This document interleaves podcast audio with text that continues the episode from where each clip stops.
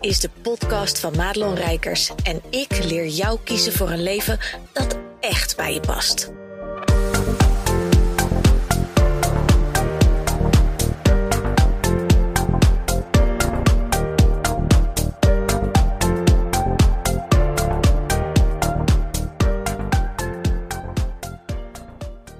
Ja, goed dat je luistert naar deze podcast. En alvast sorry voor dit geluid. En misschien zeg ik dat best wel vaak.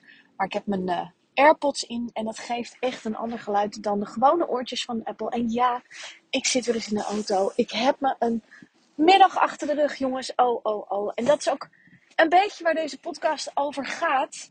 Want we gaan natuurlijk naar de laatste dagen van dit jaar. Wat wederom een heel bijzonder jaar is geweest. En dat roepen we natuurlijk met z'n allen ook alweer een tijdje. Ehm, maar ik vind dit jaar bijna even bijzonder als vorig jaar. Al was vorig jaar de schok misschien allemaal wat groter. En vroeg het even iets meer van het aanpassingsvermogen. Ik denk dat we met z'n allen ons wel even op de borst mogen kloppen. Of op de schouder. Of wherever de fuck jij wil hebben. Dat we met z'n allen zo'n aanpassingsvermogen hebben. En of je nou linksom aanpast of rechtsom. Ieder van ons is in staat geweest om te blijven staan. We leven nog. Uh, we zijn er nog. En als het goed is, is je business er nog, in welke vorm dan ook. En dat vind ik echt wel wat waard. Want het is zo heftig geweest. Nou, dat is niet helemaal waar deze podcast over gaat. Maar dat wou ik gewoon even op de valreep zo van het oude jaar uh, tegen je zeggen. En de middag die ik heb gehad, dat is de total high versus een total low. En de high zat hem vooral in dat ik uh, uh, met mensen heb gesproken, een aantal coachsessies heb gedaan. En waar echt magie is ontstaan. Waar, waar diep is gegaan, waar tranen zijn gevallen. Waar um, door, door iets wat, wat, wat er ineens vanuit mijn tenen opplopte. Waarvan ik zelf eigenlijk niet eens wist, waar komt dit nou vandaan? Zorgde voor een enorme doorbraak en, en een totaal uh, ander perspectief op de business van de ander. Ja, en weet je, ik, ik ga struikelend door het leven van dit soort sessies. Ik kan daar zielsgelukkig van worden, letterlijk. En ik weet dus nu ook dat een van mijn superpowers is gewoon echt dat ik naar mensen kijk en luister. En dat ik hoor en voel en af en toe ook gewoon doorkrijg waar het heen mag.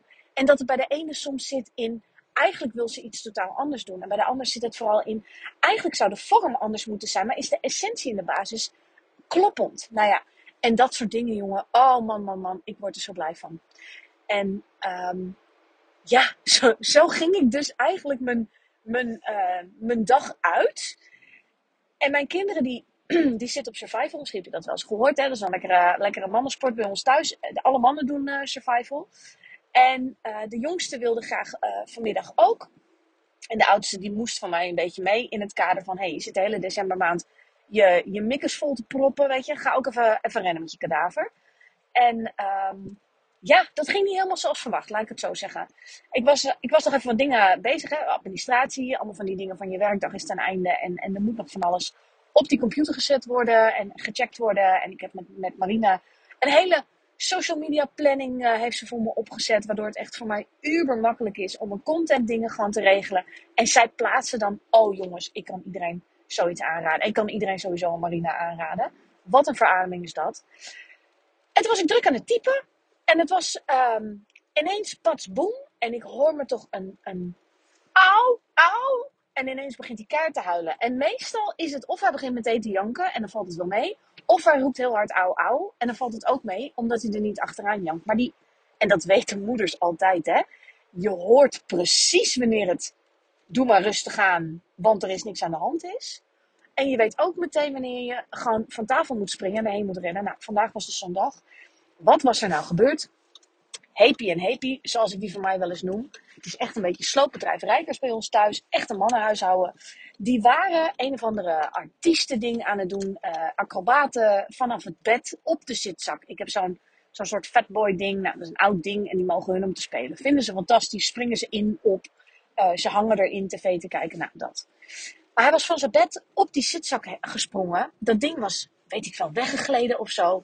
En hij was dus met zijn bekkie beland op de betonnen vloer. Nou, dan weten wij allemaal, die dingen, die veren niet mee.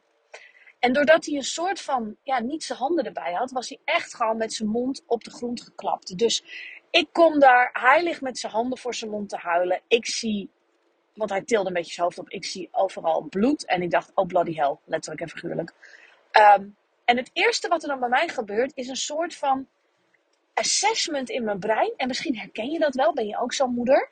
Dan is er echt totale uh, shizzle aan de hand. En dan komt er een soort ijzige kalmte over je, waardoor je in staat bent om direct te zien wat is er nu het eerste nodig en hop, hop, hop in actie te komen. Nou, bij mij werkt dat ook zo. Een paar jaar geleden gehad met mijn jongste, die had, uh, ja, I shit you not, zijn pols doorgesneden met glas, met een ongelukje. En dat was ook zo'n moment. Maar goed, dus ik pak mijn zoon op en ik probeer hem meteen al gerust te stellen. Rustig aan. We gaan eerst even kijken wat er aan de hand is. Vaak is het zo met je mond dat het heel snel en heel veel bloed. Maar we gaan eerst eens even kijken wat er nou precies is. Dus nou, naar de badkamer. En ik dacht maar één. Als die voortanden maar niet los zitten. Want dat zijn de grote mensentanden. Die jongen is bijna elf. Nou ja, je kent het wel hè. Hoop bloed, spoelen, kind over zijn toeren, huilen. Nou, eerst maar eens proberen te kalmeren. En dan voorzichtig eens even kijken, wat is dan de schade? Godzijdank was het eigenlijk alleen maar een, uh, een, een, snee in de lippen van de tand die er doorheen was beetje geprobeerd in die tanden te voelen. Nou, die zaten uh, muurvast. Dus ik dacht, oké, dat in ieder geval niet. Want het laatste wat je wil is met zo'n kind ook nog naar de tandarts, dat hij daar nog in de stoel moet zitten en pijn lijden en whatever. Nou ja, ik heb zelf een enorm tandartstrauma. Handje omhoog als je dit herkent. Dat je denkt, ik laat me bijna nog liever opereren dan dat ik naar de tandarts moet. en ergens zit er een projectie van mij natuurlijk op mijn kinderen. Van nou, ik wil ze dat vooral niet aandoen. Maar het viel gelukkig mee. Maar al heel gauw was mij wel duidelijk dat hij er voorlopig even uit ging zien. Alsof hij in een cagefight met Remy Bonjaski had gezeten. Dus uh, ja, het waren niet helemaal de Brad Pitt zwoele lippen, maar echt een kwestie van, uh, uh, weet je, ik, ik, ik zat aan Arnold Schwarzenegger, zijn vrouw vond hij niet leuk, een beetje dat kaliber. En ik dacht wel, ach god, die arme jongen, die, ja, dat wordt helemaal niks met warm eten in ieder geval vanavond. Dus dat is een beetje hoe mijn middag verliep. En dit is ook een beetje hoe het leven is. En dat wordt nu extreem even in één middag uitvergroot. Hè? Van totale euforie met mijn klanten en in die sessies echt diepe zielsdingen. Uh, en, en dat wordt dan in één keer geswitcht naar totale, uh, nou paniek niet, want, maar, maar wel bij hem, dat er echt even iets met je kind is waar je naar handelen moet. En dan gaat dus alles ook aan die kant. En dit gebeurt continu. En, en je moet ook steeds opnieuw blijven schakelen. En als we dus het hele jaar nemen, dan is het steeds weer opnieuw um, dat we er bijna waren. En dat eigenlijk had je er thuis niet zoveel last meer van. Weet je, je deed je ding en het viel allemaal wel mee. En hoppen de poppen de pop. Daar ging het allemaal weer mis. Wow, iemand doet bijna zijn deur open. Even kijken. Ja, wat er dus gebeurde. dat was een klein foutje. Dat was dus een auto waar mijn eigen zoontje in zat, die ik dus ging ophalen. Uh, bleek dat de lessen maar tot kwart over vier waren. Maar ik zat niet in die specifieke appgroep. Dus ik was even die ontaarde moeder. Uh, wiens kind al vijf minuten op zijn moeder stond te wachten. En die was er niet. En ook dit valt weer even onder het leven. Want deze hele podcast. Die gaat wat mij betreft echt over het kunnen meebewegen op de dingen die het leven geeft. En ik ben um, groot voorstander van het feit, hè, van de theorie, het leven is maakbaar. Um, en, en dat is misschien een beetje groots. Maar maakbaar is vooral dat je er toch best veel invloed op hebt. Um, niet op alles. En dat geloof ik wel echt ook met heel mijn hart. En dat is ook natuurlijk hè, wat we de afgelopen twee jaar al hebben gezien. Echt jongens, als je het, als je het even terug hoort, hè, twee jaar twee jaar waarin we al in een soort achterlijke de, de, tweede realiteit, een soort ja, spel zitten of zo met z'n allen. Waarin je echt denkt: jeetje, wanneer worden we wakker uit een nachtmerrie? Letterlijk overigens. Um, maar dat even terzijde. Maar het leven is dus, wat mij betreft, best wel heel maakbaar. In ieder geval kneedbaar. En het geeft je, uh, en vind ik altijd mooi, want Suus, Suzanne Beukema, dat is mijn coach natuurlijk, die noemt dat altijd een shit sandwich. Dus die, gooit, die geeft je gewoon shit sandwiches, weet je wel. En um, daar heb je het mee te doen. Daar heb je mee te dealen. Dat is uh, wat het is. En hoe, hoe makkelijker je dat doet, en met makkelijk bedoel ik, hè, hoe meer je ook meebeweegt in de flow. Ehm, en dat valt niet altijd mee, hè? Want je krijgt dus echt shit sandwiches waarvan je echt met, met, met je hele lijf en je hele geest in de weerstand gaat. Of waar je gewoon, hè, zoals wat ik vertelde, uh, die, die je niet helemaal kan zien in het licht van waarom is dit nodig. En dan bedoel ik met name op van die grootste dingen. Hè. Uh, relaties gaan stuk, uh, er gebeurt iets vreselijk, mensen gaan dood, nou allemaal dat soort dingen.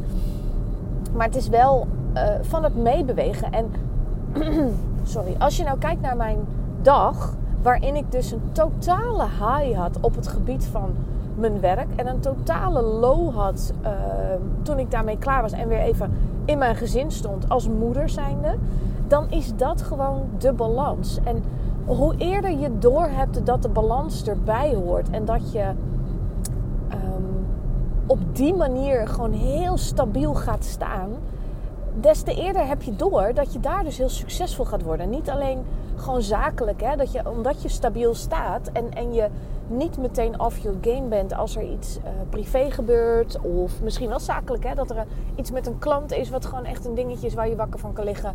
We zijn er allemaal geweest. Ik ben er soms nog steeds.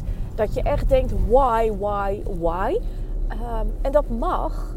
Maar het, voor de consistentie van je succes is het gewoon zo fijn dat je stabiel staat. En dat je mee kunt bewegen met dat wat er op je afkomt. En als je zelf in een goede vibe blijft en weet wat je nodig hebt, weet uh, hoe je rust kan creëren. Want dat is echt, ik vind dat voor mijn klanten een van de aller, aller, allerbelangrijkste eerste dingen. Van kom eens eventjes uit, die, uit dat aanstandje. Hè? Dat je continu maar overal aan moet staan. En dat je ook continu overal maar uh, bezig moet zijn. Want als je het even loslaat, hè, dat hebben we natuurlijk ook met uh, de, de, kerstvakantie, is ook zoiets van ja, nee, hè, dan ben je lekker vrij. En vervolgens voel je je heel onrustig, omdat je het gevoel hebt dat er nog van alles moet. Want als je nu niks doet, ja, dan heb je straks niks. En er zit natuurlijk een kern van waarheid in. Als ik, als ik mijn shit niet goed geregeld heb voor mijn vakantie en ik ga er gewoon twee weken tussenuit, ja, dan, dan valt er een gat in mijn consistentie. En, en dan heb ik dus kans dat ik daar um, ja, verminderd momentum uh, heb. En, en dus moeilijk uh, kan creëren. Oh, nou, het is wel mijn dag vandaag. Zeg, potverdorie. Chase er eentje zo de rotonde op. Daar was ik er bijna weer. Nou ja. Zulke dagen heb je dus. En daar kan ik twee dingen mee doen. Ik kan me totaal off my game laten uh, gaan. Um, en als ik dus merk dat ik er zo van af lig, want die dagen heb ik ook echt heus wel hoor. Want ik doe heel stoer met ook met die hele corona shizzle. En ik heb hem echt voor het grootste gedeelte best wel goed onder controle. Maar als ik echt voel, ik, ik heb hem even niet onder controle en ik, ben er, ik lig er helemaal vanaf. Ik, ik zit in de weerstand, ik ben boos, verdrietig, whatever the fuck. Ik ben wiebelig. Ja, dan laat ik gewoon alles ook los. En dat staat haaks op wat we altijd hebben geleerd. Zeker in Nederland natuurlijk, hè, met hard werken voor je geld. En uh, zo makkelijk kan het allemaal niet gaan. En je kan nooit de weg van de minste weerstand kiezen, want die is niet goed genoeg, weet je wel. Dat, dat is dan, uh, uh, ja, dan heb je het gewoon niet verdiend. Dan ben jij niet goed genoeg als je er niet echt iets voor hebt gedaan. En het tegenovergestelde, dat hoor je me natuurlijk vaker zeggen, is waar. Dus als ik zo'n dag heb waarbij ik dus echt ervan af lig en er ook niet meer op kan klimmen um, dan geef ik mezelf toestemming om er dan ook maar gewoon even een hele dag vanaf te gaan liggen. Letterlijk en figuurlijk. Dus dat is echt dekentje op de bank, uh, wijn, Netflix. En ja, weet je, piss off gewoon. Laat mij met rust. Maar over het algemeen, mijn leven bestaat uit, uit toppen, dalen en alles ertussenin. En godzijdank is het al beter dan vroeger. Vroeger waren er heel veel dalen. Uh, en dat is de laatste jaren, uh, even los van alle externe toestanden, veel meer toppen geworden. Ja, en daar, daarin meebewegen, wat er op je afgevuurd wordt, is een van de belangrijkste levenslessen die ik, uh, ja, die ik geleerd heb. Want ik ben echt, en misschien weet je dat helemaal niet van mij, maar ik ben een ongelofelijke controlfreak. Als ik, ik wil altijd alles van tevoren weten. Mij maak je dus ook echt niet gelukkig met verrassingsmenu van de chef dat is al zoiets. Ik heb het wel eens een keer gedaan. Overigens wel heel goed bevallen. Maar dat wil niet zeggen dat ik dan. Um... Ja, we hebben hier allemaal van die rare kruisingen in Wolvenga. Ik rij nu door Wolvenga. um, wat wilde ik zeggen? Oh ja, verrassingsmenu van de chef. Dat wil dus niet zeggen um, dat ik het nog een keer ga doen. Want ik wil gewoon echt heel graag. En, en verrassingen in, in, überhaupt hoor. Ik ben al veel te nieuwsgierig, ongeduldig. En alles wat erbij komt kijken. Maar ik ben ook graag voorbereid. En um, dat is enerzijds een groot talent. Want als ik je ooit ga vertellen hoe ik mijn bruiloft heb geregeld, de pis in je broek. Het was echt van A tot Z geregisseerd. Zodat ik het juist op die dag zelf kon loslaten. Ehm, maar doordat ik alles wil voorbereid zijn. Het is een talent dat ik het kan, dat ik het zie. En dat ik, dat ik weet wat er nodig is. Hè. En ook zeker zoals in die situatie dat mijn zoontje dan uh, viel daar straks. Dat ik heel snel, mijn brein gaat heel snel in. Oké, dit gaan we doen, dat gaan we doen, dat gaan we doen. Hè. Maar het is ook mijn grootste valkuil doordat ik dingen vast wil zetten. Doordat ik dingen heb voorbereid en dat het leven dan zegt: ah, ah, shit sandwich. Of uh, nee hoor, we gaan dit even, hè, change of plans, we gaan die kant op. En dat vraagt van mij dus continue uh, wendbaarheid en weerbaarheid. Want op een gegeven moment, als je groeit, zeker in je, in je bedrijf, er is een moment en dan kan je niet meer, wat je misschien deed toen je net begonnen was, dat je bij elk tegenslagje, et cetera, er meteen van af ligt. Het is allemaal niet nodig, weet je wel. Dus dat maakt ook dat je jezelf dus vanaf meet af aan, echt vanaf dag één, als een CEO mag beschouwen. En dat doen ook nog veel te weinig mensen. En dat heb ik wel altijd gedaan. Zeker toen ik ook nog thuis, um, hè, toen was ik net eh, voor mezelf begonnen, was ik ook een soort van ja, huisvrouw nog. Want ik kwam van zes jaar kindertjes uh, grootbrengen dat ik mezelf heel serieus moest gaan nemen als ik mijn ruimte in moest nemen en, en dat soort dingen. Dus jezelf als CEO zien is echt heel gezond voor, voor je bedrijfsmindset. Uh, en daarmee dus ook voor je wendbaarheid en je weerbaarheid. Als je uh, er als een helikopter boven gaat hangen, dan heb je overzicht op alles. En dan kun je eigenlijk best wel veel ook voorbereiden en tackelen. Maar de dingen die je in je blinde vlek hebt zitten of die uh, uit een hoekje komen die je niet had verwacht, het is niet zo erg. Um, als je maar zorgt dat jij stevig staat. Nou, ik hoop dat deze podcast in zijn geheel uh, uh, hout heeft gesneden voor je. Het is natuurlijk een, um, een, uh, een beetje onderbroken podcast geweest. Een beetje gek met allemaal dingen half aangereden. Maar ik hoop dat je er nog kaas van kan maken van de boodschap die ik je wil doorgeven.